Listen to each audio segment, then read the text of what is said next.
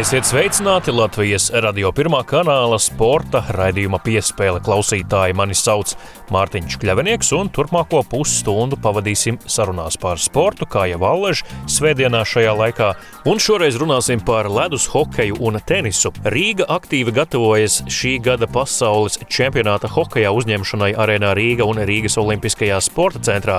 Daugavas stadiona ledus halli, kas paredzēta treniņiem, sola pabeigt līdz aprīļa pēdējai dienai dienai savukārt komandas Rīgā ieradīsies māja vidū. Par gatavošanos pastāstīs Sijā Hokeja akadēmija vadītājs un galvenais čempionāta rīkotājs Latvijā Edgars Buncis. Vēl par hokeju sarunāsimies arī ar uzbrucēju Eduardu Traumaku, kurš šo pavasaru absolvēs Meinas Universitāti Amerikas Savienotajās valstīs un nolekā parakstījis līgumu ar Nacionālās hokeja līgas komandas Bostonas Bruins Farm klubu. Savukārt raidījuma otrajā daļā iepazīsim daudzsološo Latvijas jauno tenisisti Sabīni Rutlauku. Tas viss jau pēc pavisam īsa brīža.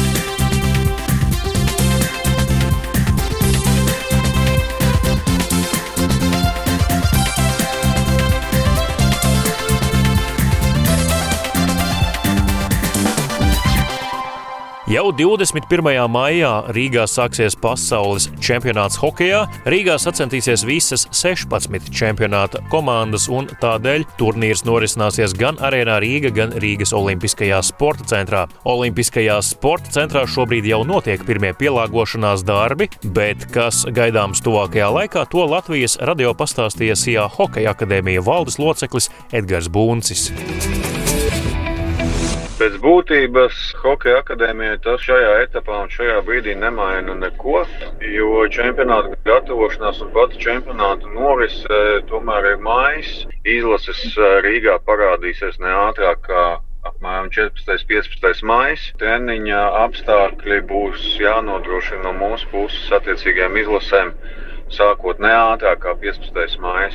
Jūtamies pietiekami komfortabli bet, protams, tās indikācijas dara mūs uzmanīgus, un tādēļ no mūsu puses ir arī pārstāvji vēl ar vienu. Katru nedēļu piedalās būvnieks apulcēs un, un esam ciešā kontaktā ar Melnijas stadionu. Olimpiskajā centrā viņi veic savus mājas darbus, respektīvi jau ir uzsācies tāds remonta, remonta cikls. Un, Mums ir sapulces katru nedēļu Olimpiskajā centrā, un troksnis tur ir, un, un būvnieki jau darbojās. Bet tās vairāk ir tādas Olimpiskā centra mājas darba lietas, kas saistās ar ģērbuvēm, labierīcībām, teiksim, sakārtošanas lietām. Ja mēs runājam no mūsu puses, tad mūsu plāns ir uh, uzsākt uh, darbus 6. aprīlī. Līdz 6. aprīlim vēl papildus Olimpiskais centrs. Vienkārši tehnoloģisku prasību dēļ mums ir jāizņem arī laukuma zālēs. Tad, attiecīgi, līdz 6. datumam arī jāizņem zālēs, jāuzmontē ventilācijas gaisa vadi. Faktiski no 6. aprīļa mēs uh, pakāpeniski sākam montēt visu nepieciešamo priekšlatus laukuma, ventilācijas, hokeja portiem. Un tad jau iet process maijā, jau nedaudz aktīvāk jau ar, ar gaismām, ar tribīnēm, ar, ar video ekrāniem, ar uh, visu televīzijas nepieciešamajiem podestūrām un tā tālāk. Tā tālāk. Arēna Rīga, kas notiek šobrīd? Arēna Rīgā plāno no savas puses visus tos darbus, kas arī tāda savu veidu sagatavošanas darbi. Ja mēs sākam teiksim, no tādas sportiskās puses, tad uh, tiek pielāgotas un mēs uh, finalizējam ģērbtuvi kopējo plānu kā tādu, respektīvi sadalījumu starp komandām, sadalījumu ģērbtuvi iekšpusē par treneru istabas lielumu, par masāžu tāpas lielumu skāpīšu daudzumu un arēnu patreizajā momentā, teiksim, ņemot vērā šos te ierobežotās telpas iespējas. Faktiski pagājušajā nedēļā esam nonākuši līdz risinājumam, lai varētu ģērbtuvē, katrai ģērbtuvē ievietot 25 skatīšus saskaņā ar, ar nolikumu, tātad 22 spēlētājiem plus 3 vārdsargiem, un arī IHF notiek paralēli vēl diskusija par to,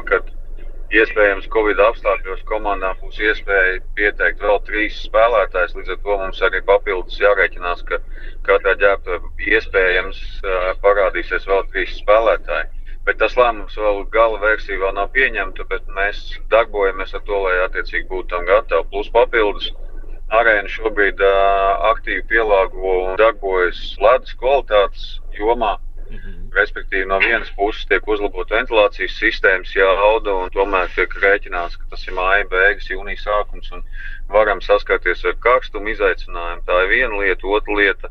Notiek aktīvs darbs starp arēnu Rīgas speciālistiem un IHF ledus speciālistiem, kur kopīgiem spēkiem tiek iet cauri visiem ledu veidojošiem komponentiem, sākot no analīzēm, ūdens analīzēm un veidu, kā, kā attiecīgi var šo uzlabot un beidzot ar ar augstumu iekārtām ķīmiju, kāda tiek izmantot mazgājot betonu, bortus un tā tālāk.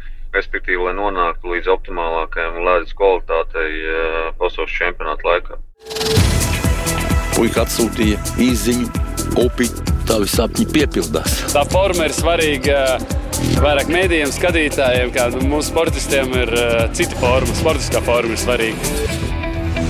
Turpina skanēt Latvijas radio pirmā kanāla sporta raidījums piespēles studijā Mārtiņš Kļavinieks. Un raidījumu arī turpināsim ar ledus hokeja tematu proti šonedēļ līgumu ar Nacionālās hokeja līgas komandas Bostonas Bruins farm klubu parakstīja Eduards Trālmaks. Viņš ir viens no talantīgās Latvijas hokeja 1997. gadā dzimušo spēlētāju paudzes. Pēc aptuveni diviem mēnešiem absolvēs Meinas Universitāti Amerikas Savienotajās valstīs un ir gatavs gatavs uzsākt profesionāļa gaitas. Par to, kāds līgums parakstīts, kādas ir viņa cerības kādu dienu uzspēlēt Nacionālajā hokeja līgā un cik reāli ir viņu ieraudzīt Latvijas izlases sastāvā uz arēnas Rīga ledus jau šajā pavasarī saruna ar Eduardu Traumaku.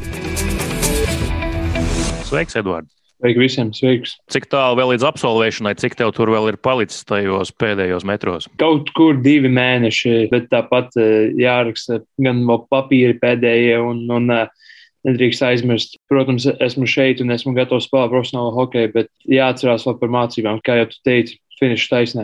Nu, tu iepriecināji droši vien lielu daļu Latvijas hokeja līdzutēju. Šajā nedēļā tika izziņots tavs eh, parakstītais līgums ar Providences Bruins, kas ir tātad Nacionālās hokeja līnijas komandas Bostonas Bruins. Farm klubs Amerikas Hokeja līgā spēlējošais. Nu, skaidrs, ka papētot tavu rezumē, CV vai hokeja gājumu, Bostonā tev nebūtu nav sveša pilsēta, un arī Providence turpat vien atrodas. Pastāst varbūt vairāk, kas tev bija piedāvājumā, uh, varbūt no citiem klubiem, no kā tev bija jāizvēlas, kādas kārtas bija uz galda un kāpēc beigās Providence? Viss sākās ar to, ka loģiski, ka nospēlēju sezonu un jau sezonas vidū es jau dabūju piedāvājumus, kurus es jau man, mani motivēja strādāt vēl vairāk un smagāk. Un, nu, neko man bija tie trīs vai četri piedāvājumi, kas man bija, kur ir reāli piedāvājumi, no kuriem es reāli varēju un gribēju izvēlēties. Jo bija komandas, kuras zvanīja un teica, ka jā, mēs tev iemetīsim kontraktu. Mēs tev uzmetīsim kontraktu, bet ko tas nozīmē? Uzmetīsim kontraktu. Mēs tev nedosim tur baigo kontraktu, bet, mēs, nu, ja tu gribi, tu vari parakstīt palielām kaut kādas tur. Mm.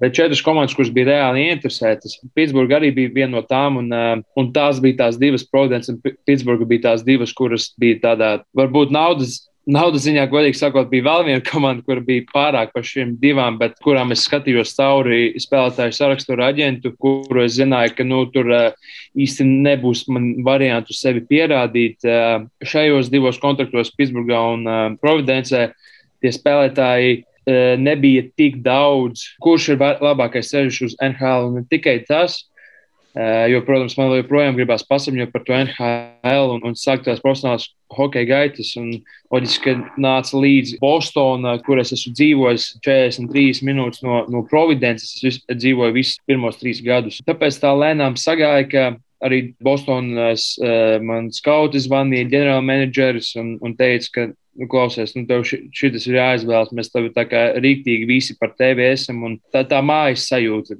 Es vairāk skatījos no iespējas uh, punkta, nevis no naudas punkta, jā, piemēram, bet no iespējas. Mans labākais draugs, Jeremijs Sveimens, arī šeit spēlē, un, kā jau teicu, skauti ģenerālmenedžeri visi. Visi ir ļoti labi cilvēki, un visi mani uzrunāja. Bostonā viņiem nav bail uzsaukt uh, cilvēkus augšā, pat ja viņi ir uz AHL līguma Galvenais ir sevi pierādīt. Tādā veidā es skatījos uz šo organizāciju. Visi saka to pašu, ko jūs un visi pasaules saka, tā ir gaļas mašīna. cerams, ka tā gaļas mašīna nebūs tik skarba pret mani, un eh, ka es iepatikšos gan treneriem, gan visiem komandas biedriem. Un, uh, pagaidām es pat nevaru īsti pateikt, jo es ne, zinu tikai vienu cilvēku no šīs komandas. Tagad vēl divas vai trīs dienas jāpavada karantīnā, un pēc tam braukšu un skatīšos, iepazīšos ar čaļiem, un tā jau redzēs. Īsti pat grūti pateikt, kādā līmenī es esmu. Jā, es nāku pēc koledžas, jā, es biju viens no līderiem, bet cik ļoti es varu iekļauties tajā profesionālajā hokeja, un tas ir mans lielākais mērķis saprast. Jo es esmu realists, es nekad neteikšu, o, es tur būšu NHL spēlētājs tā tālāk. Es gribu paskatīties un pateikt pašam sev, nu, vai, vai es varu vai es nevaru. Man liekas, ka es varu tagad, bet nu, redzēs, kad viss sāksies ka tā profesionālais hokejs un profesionālā dzīve sāksies, cik ļoti es varu.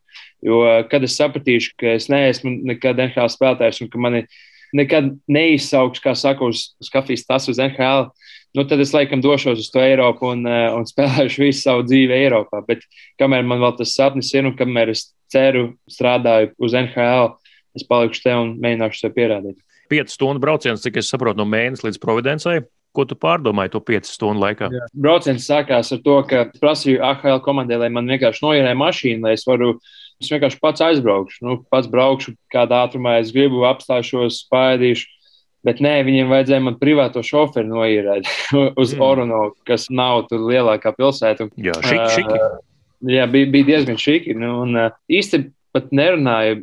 Liels uzplūdums ar, ar, ar cilvēkiem, kuri mani apsveica. Un, godīgi sakot, nekad nebiju gaidījis kaut ko tādu. Jo varbūt tāpēc, ka es biju sapņojis par NHL, man likās, nu, es pārrakstīšu AHL līgumu. Nu, tas forši ir, protams, eh, ka ir pirmais līgums, bet nu, es nezināju, ka man tik daudz cilvēku apsveiks. Treneri, spēlētāji, draugi, ģimenes draugi, mammas, tēta draugi un tā tālāk. Un, Palielināt tās piecas stundas, nu, trīs, četras es pavadīju tikai reāli sakot kaut paldies visiem, kas mani apsveic.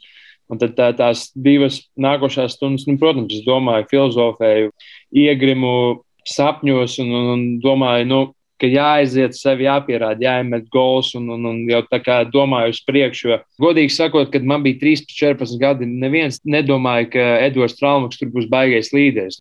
Man tās kārtas tik ļoti pareizi sakrita, gan tas, ka es aizbraucu uz Ameriku 16 gados, un man vienkārši Veckusē es varbūt biju viens pēdējā gadā, viens no līderiem, bet nebiju tas izteiktākais, varbūt otrās maiņas līderis.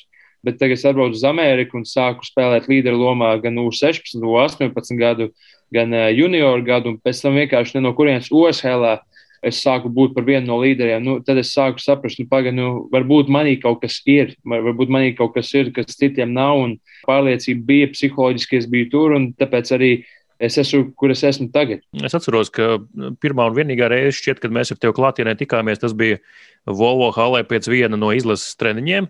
Tu biji uzaicināts uz nometni mm, pirms viena no pasaules čempionātiem pie Boba. Hārtlīja patrenējies nedaudz. Atgādini klausītājiem, kad tas bija, kurā gadā un cik ilgi tu tur uh, biji šajā nometnē, jo tas laiks brīdis bija diezgan īss. Es nezinu, laiks, kā tas skrien 2016, 17. gads vai 18. Es pat ne, nevaru pateikt. Bet, nu, jā, tā, tā bija vienīgā reize, paljām, kas bija uzaicināts. Es varbūt galvā nebiju tik izaudzis tajā brīdī. Es biju vēl tāds mazais koledžas hokejs, kurš ieradās eh, nevis kā jaunām bija jāierodas pusstundu pirms vai stundu pirms. Es ierados desmit minūtes pirms ar kafiju rokās. Un viens no smieklīgākajiem stāstiem vispār ir tāds, ka es Vispār es ierados 15, 20 minūtes pirms rīta eh, sapulces bija. Dzīvoju pļauniekos un bija jābrauc uz Volvo hali kaut kur ik pa laikam tajā sastrēgumā eh, pasēžu, jo tie, tas ir no rīta. Un es atbraucu, mm -hmm. un 15, 20 uh, minūtes pirms sapulces, it kā viss kārtībā. Un, un es ieju iekšā, un tur viss ir saģ, nu, saģēbušies, bet ne jau hokeja formā saģēbušies, bet saģēbušies tā kā iesildīties. Un es ieju ar kafiju, un man ir džinsi virsū, un es tāds tā kā, it kā man būtu kaut kāda, es nezinu, tur pieci Stanley kausi. Kārtīgs veterāns. Jā, kārtīgs veterāns. Es ienāku un es skatos, visi ir saģērbuši, nu, es runāju, un es ienāku, un Bobs tieši skata, stāv pretī un skatās, kas tas cilvēkam, tad, protams, viņš man iesauc un man pateica man visu, ko viņš domā par šo, nu, cik, cik ļoti tas stulbi ir, bet es kaut kā biju, ne, nebiju īsti apzinājies, cik ļoti tas ir, tas ietekmēs gan treneri, gan, gan visus pārējos spēlētājus, ka tā es esmu izdarījis, jo koledžā nu, ir sapulce, ir vienā laikā, nu, tad tev jābūt uz to sapulci, bet tev jābūt gatavam uz to sapulci. Un es būtu gatavs 5 minūtes pirms 10 minūtes pirms tās sapulces, vai ne? Bet Bobam tas nepatika, īpaši, kad es biju kā jaunais, ka neesmu neko pierādījis. Tāpēc arī Bobs teica, ka tev būs septiņi Stanley kausi, Stanley gredzeni rokās, ja, tad tu varēsi ienākt šitā ar kafiju un tur džinsos, ka tur mierīgi. Ja. No vienas puses, kāpēc es netiku komandā, tā attieksme bija diezgan, diezgan ļoti nepareiza no, no manas puses, no tādas jauniešu puses. Un es, tāpēc arī profesionāls hokejs no vienas puses ir tāds spēriens augšup, ka te nevienam neinteresē, ka, ka tev tur ir skola vai mājas darbs, tāpēc kāpēc tu aizķēries. Te tev jābūt perfekti laikā, pusstundu pirms un, un, un visur jābūt laikā, jo ja tu neesi, nu, tad diezgan ātri var pateikt paldies par uzmanību. Ja? Un, nu, kopš tā brīža sapratu, ka jāmaina gan attieksme, gan nedaudz spēles stils. Gan... Beigās mēs tāpat ar Bobu, kad viņš man atskaitīja visu. Atskaitīšana notika, mēs prasījām Bobam, vai, vai tu redzi mani kā 13. spēlētāju vai uzbrucēju čempionātā vai neredzi. Jo, nu, ja tu neredzi, tad, tad laikam man jābrauc atpakaļ. Viņš man teica, ka viņš īstenībā pagaidām nevar pateikt, vai viņš mani redz vai nevar, jo mums nebija vēl daudz līderu Es nevaru tev tagad pateikt, bet man tavs treneris piezvanīja no koledžas un teica, ka tev kaut kāda parāda nereāli. Tāpēc, nu, piedod, bet man tev jāsūt mājās. Un tad es aizbraucu uz Ameriku, un man tikai divi mājas darbi jāpakārto. Es prasu trenerim, kādā sakarā tu nu, zvanīji Bobam, un mans treneris Es nezinu, varbūt viņš baidījās arī par to, ka es tur nezinu, pēc šī gada iešu prom no universitātes, vai es nezinu, ko viņš kaut ko bija padzirdējis. Viņš teica, ka nē, mums vajag viņu atpakaļ, ka viņam kaut kas ar skolu nav pareizi, un tāpēc sabrauc.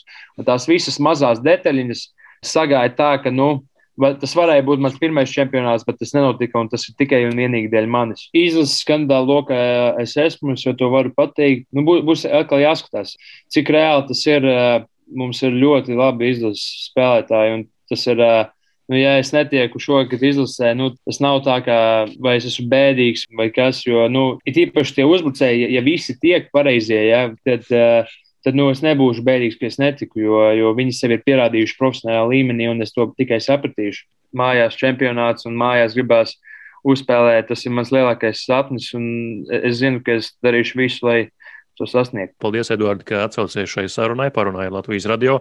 Paldies, Mārtiņ, paldies visiem! Tas ir ļoti pašsaprotami, kad Latvijas sauc, tad tur nav variantu. Tu vienmēr saki, ka jā. Es cenšos katru spēli palikt labāks, katru spēli augt. Tad, kad jau ir uh, sezonas beigas un, un starpsezona, tad tu vari palikt vēl labāks spēlētājs. Jūs joprojām klausāties Latvijas radio pirmā kanāla sporta raidījumu piespēle studijā Mārtiņš Kļavinieks. 18 gadus vecā tenisiste Sabīne Rutlauka jau 5 nedēļas dzīvo Eģiptē un eh, piedalās tur notiekošajos dažāda līmeņa tenisa turnīros. Sabīne pagājušā gada izskaņā uzsāka sadarbību ar treneri no Horvātijas, ikdienā trenējas kopā ar meiteni no Igaunijas, bet pagaidām vēl skaidri nevar pateikt, ka nākotnē būs profesionāla tenisa spēlētāja. Rutlauka ka jau rudenī uzsāks studijas vienā no prestižākajām Amerikas Savienoto Valstu augstskolām Pensilvānijas Universitātē. Šī universitāte ir daļa no Ivy League, jeb akadēmiski prestižāko ASV universitāšu astoņnieka. Jaunā tenisiste vispirms vēlas iegūt kvalitatīvu augstāko izglītību, ko viņa sev varēs nodrošināt ar tenisa stipendijas palīdzību, bet pēc tam jau gatava uzsākt arī profesionālas gaitas. Saruna ar jauno tenisisti Sabīni Rutlauku jau raidījuma piesaukumā piespēle turpinājumā. Skaidrs, ka pēdējos gados daudzi loka tādus vārdus un uzvārdus kā Aļono Stapenko, īpaši pēc 2017. gada uzvaras Francijas atklātajā čempionātā Anastasijas Sevastova pēc savas atgriešanās profesionālajā tenisā arī spēlē lieliski. Ir arī jaunie talanti vīru tenisā kā Kārlis Ozoliņš un Tāpat arī joprojām Mārtiņš Poģis nav nekur aizmirsts. Galu galā tuvu izlasē ir. Arī jaunā paudze tenisā ar vienu ar vienu sevi mēģina pieteikt un pieteikt skaļi. Un februāra pēdējā dienā to ļoti skaļi izdarīja Sabīne Rutlauka. Sveika, Sabīne! Sveiki! Tevi nemulsina, ka tevi sauc par vienu no talantīgākajām šī brīža Latvijas jaunajām tenisistēm? Ir tā bišķi dīvaini, bet nu, es tā nejūtos, godīgi sakot. Ja jau sauc, tad jau sauc. pašķīru laika ratu atpakaļ pirms mūsu sarunas un paskatījos, kā te tev tur ir veicies dažādos e, jaunatnes e, čempionātos Latvijā un tāpat arī Rīgas čempionātā. Un, nu, tur pirmā vieta, pirmā vieta, pirmā vieta, otrā dažu labu reizi, varbūt trešā. Nu, pie dāmām, protams, pieaugušajām tur mazliet grūtāk, bet savā vecumā tu visu laiku esi turējusies tur e, pašā, pašā priekšgalā. Jā, bet nu, pie mums Latvijā, manuprāt, nav tie stiprākie turnīri, godīgi sakot. Bet tad, kad starptautiskajos turnīros tur jau bija grūtāk, tur nav tik, tik lieliski panākumi junioros. Kad varbūt tev bija tas vecums, kad tu saprati, ka nu, Latvijā nu, it kā tu spēlē, tu esi labākā, bet tas tev neko attīstībai vairs nedod? 15, 16 gados, laikam, es sāku tā nopietnāk braukāt apkārt un pārsvarā visu laiku spēlēt turnīrus, jo, manuprāt, vislabāk kā iegūt to pieredzi, ir spēlēt turnīrus. Tad uh, varbūt pakāpeniski arī uh, šķirsim to vēstures grāmatu par tavu karjeru. Daudzi skaidrs, ka tajā februāra pēdējā dienā arī uzzināja tavu vārdu un uzvārdu, sāka varbūt arī rakstīt Google, kas tad īsti ir Sabīna Rutlauka, kurā gadā dzimusi, ko līdz šim iespējusi Latvijas tenisa vidē. Kā tā tenisa rakete nonāca tavās rokās? Kurš tevi aizveda, uz kurieni aizveda, kāpēc aizveda? Tenisa raketes paņēma rokās sešos gados. Tētis man aizveda no sākuma es spēlēju vienkārši kā hobiju, prieka pēc. Es izmēģināju arī dažus citus sporta veidus, bet tur tā kā nesanāca. Man ļoti patīk skriet apkārt un individuālais sports man arī vairāk piestāvēja, jo man patīk pašai vienai būt atbildīgai par visu notiekošo. Man tenisa korts bija pie mājām, ļoti ērti, skola, mājas, tenis. Spēlējot hobiju līmenī, tomēr tā ļoti iepatikās tenis, un tagad es esmu tur, kur es esmu. Sešu gadu vecumā, 2008. gads, tas bija gads, kad Ernests Gulbis uh, spēlēja Pekinas olimpiādē. Tad arī viņam sākās šī augšupēja un arī beig beigās sasniegtais rekords pasaules rangā. Pēc gadiem, protams, nāca tāpat jau pieminētā Anastasija Sevastova, Ļono Stapenko. Šie trīs uh, lielie vārdi arī bija tavēlki tādos uh, bērnības pusauģu gados. Uh, tu skaties varbūt uz kādiem ārzemju spēlētājiem. Kas tad bija tas, kas tevi motivēja? Vismīļākie jau ir tie, kas ir Latvijā un vienmēr visus, visus atbalstam. Ernests arī atceros, kad bija, mazāk bija skatījāmies visi un atbalstījām. Es skatos visus, visu, ko es varu, visus tenisistus, dažādus stilus, dažādas spēles, vīriešus, sievietes. Manuprāt, visi, kas ir top simtniekā bijuši, ir ļoti liela malača un viņus ir vērts skatīties. Kāda stila tenisisti tu esi? Varbūt paver priekškaru tiem, kuri nav redzējuši tavas spēles kortā, īpaši tagad, kad tu jau esi izveidojusies ar savu rokrakstu. Tu esi tā sauktā bliezēja, kā Ļona vai tāda bierīgāka stila spēlētāja kā Anastasija. Es teiktu, ka esmu mierīgāks stila spēlētājs. Es cenšos skraidīt apkārt, teiksim tā, un atsist visas tās bumbas, un e, arī pielāgoties pretiniekam un censties atrast lietas, kas viņam nepatīk, un darīt tās. Un arī darīt to, ko man vislabāk sanāk, ir spēlēt atpakaļ tās bumbas. Un, um, kā mans treneris saka, esmu ļoti kaitinošs spēlētājs, pret ko spēlēt. Jo es cenšos vienkārši visas bumbas atsist atpakaļ, un tā vēl tā, lai, lai tam pretiniekam nav ērti. Un, protams, ka tad, kad man ir ērtāk, es arī eju un bliežu tās bumbas, bet vairāk tā aizsargājos. Tā. Arī šobrīd, pēc uzvaras profesionālā turnīrā, joprojām tenisu raksturo kā hobiju. Kādā punktā tu šobrīd atrodies? Izšķiršanās fāzē, kad iet pa profesionālo ceļu, vai tomēr nē? Kādas ir tavas domas galvā par un ap tenisu kā nākotni? Tas saistībā, protams, ar to, ka es zinu, ka tu laikam studēsi kaut kur Amerikas Savienotajās valstīs pavisam drīz. Plānā ir, protams, augustā septembrī doties uz Ameriku un studēt tur. Un tur es turpināšu spēlēt tenisu, protams, universitātē. Tas bija vienmēr mans plāns. Un, uh, es varbūt sevi neuzskatu par tik ļoti labu tenisistu, ka es varētu doties un tagad spēlēt visu laiku profesionāli, jo tas ir diezgan grūts darbs. Un, teiksim, tā, ar savām uzvarām es šobrīd neesmu spējīga sevi patstāvīgi dzīvot un maksāt par visu to, ko es iztērēju. Tāpēc man tagad plānā ir doties universitātī, tur studēt četrus gadus. Un tad, ja nu, ja nu man vēl joprojām gribēsies profesionāli spēlēt tenisu, tad es došos un spēlēšu, un mēģināšu vēlreiz. Tas nozīmē, ka vidusskolas pēdējais gads, nu, mūsdienās jau arī nav nozīmes, kur tu atrodies, jo attālinātās mācības var veikt jebkur. Tu šobrīd arī piedalies stundās Latvijā no Eģiptes? Es mācos, bet es uh, izlēmu uz šo 12. gadu pēdējo doties uz pilnīgi tālmācības skolu. Tā kā, ja, ja pat es būtu Latvijā, es mācītos tālmācībā, jo es diezgan nopietnāk šogad pienācu pie treniņiem un pie savas karjeras, teiksim tā. Bet nu, tas prasa dzelžainu pašdisciplīnu. Tā tev no tenisa nāk, vai tu esi tāds cilvēks, kurš sev alež ieliek rāmjos un uh, seko grafikam un, un visam pārējiem? Ne, protams, kaut kas jau arī nāk no tā tenisa, bet man liekas, es pa dzīvē esmu tāds cilvēks, kurš ir spējīgs sevi ielikt traumjos, bet bieži vien es daru visu pēdējā brīdī. Bet es esmu pieredzējis darīt visu pēdējā brīdī arī parastajā skolā, tāpēc, ka vienmēr ceļoju un tad atnāku uz vienu, divām nedēļām un jāuzraksta visi tie kontroldarbi. Un, tāpēc Tāpēc man jau pierasts, ka es visu daru pēdējā brīdī. Par universitāti, nu, pastāstiet radioklausītājiem, kas par universitāti un kā tu tur tiki, jo tā nav kura katra universitāte. Amerikā tā ir ļoti elitāra skola. Es nezinu, kā Latvijas pareizi Ivy League universitāte. Man ļoti paveicās šogad, teiksim, tā ar to, ka nav jāliek visi iestāja eksāmeni uz universitāti. Varbūt, ja man būtu tie jāliek, es arī tur netiktu. Man bija jāliek tikai angļu valodas eksāmenis bez matemātikas matemātika ir mana stiprā puse, bet nu, tomēr, tomēr labāk bez tā eksāmena. Un, jā, viena no lielākajām universitātēm mācību ziņā.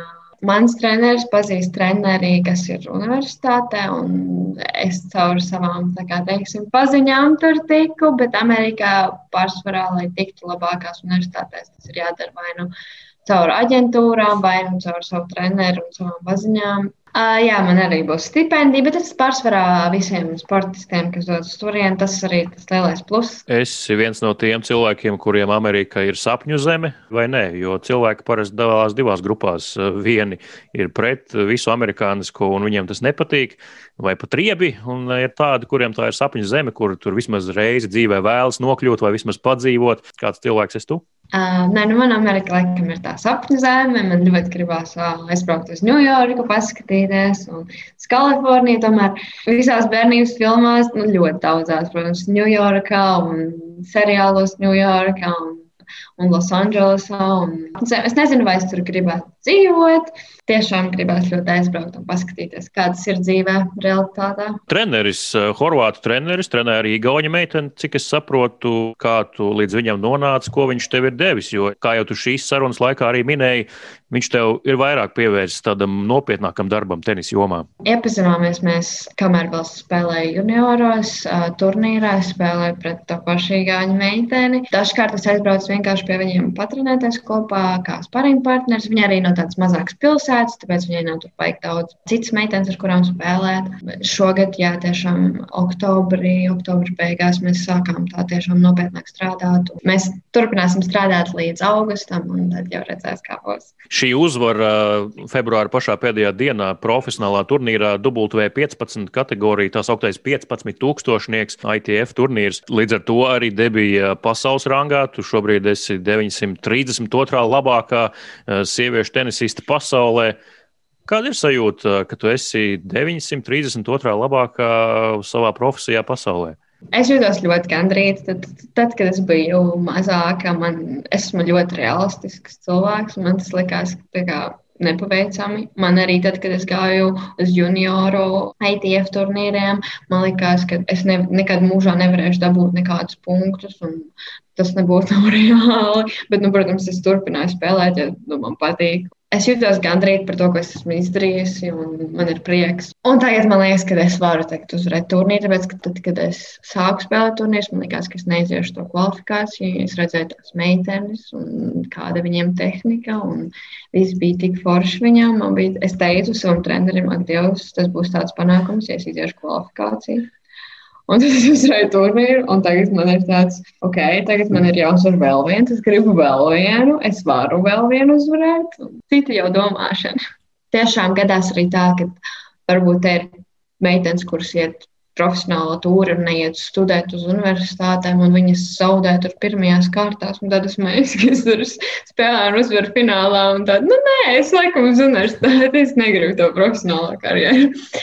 Viņām tā liekas nedaudz dažām dīvaini, bet nu, tiešām ir arī ļoti labs meitenes, varbūt, kurām mazāk paveicās kaut kādās spēlēs. Sabīna Rutlauka, viena no Latvijas um, talantīgākajām, daudzsološākajām, laikam tāds būtu pareizākais vārds Latvijas uh, šī brīža tenisistēm. Sabīna, teiksim, tev uh, paldies par šo sarunu, ka atradu laiku arī Latvijas radio, un es domāju, ka sabiedriskā mediju klausītāji bija gandrīz ar tevi iepazīties arī šādā formātā, un lai veicas gan vēl atlikušajā laikā Eģiptē, pēc tam arī veiksmīgi iegūt vidējo izglītību, un tad arī lai viss sanāk Amerikā, tur aiz eh, Lielā okeāna. Lielas paldies, ka pasaucāt mani! Līdz ar to arī izskan šīs nedēļas sporta raidījums piespēle. To veidoja un vadīja Mārtiņš Kļavinieks par labskaņu, kā vienmēr parūpējās Nora Mītspapa. Ja vēlaties dzirdēt nemontētas intervijas ar eh, tenisisti Sabīnu Rutlauku un hokeistu Eduardu Traumaku, tad meklējiet sporta raidījumu piespēli jebkurā sev ērtā podkāstu jeb raidierakstu vietnē.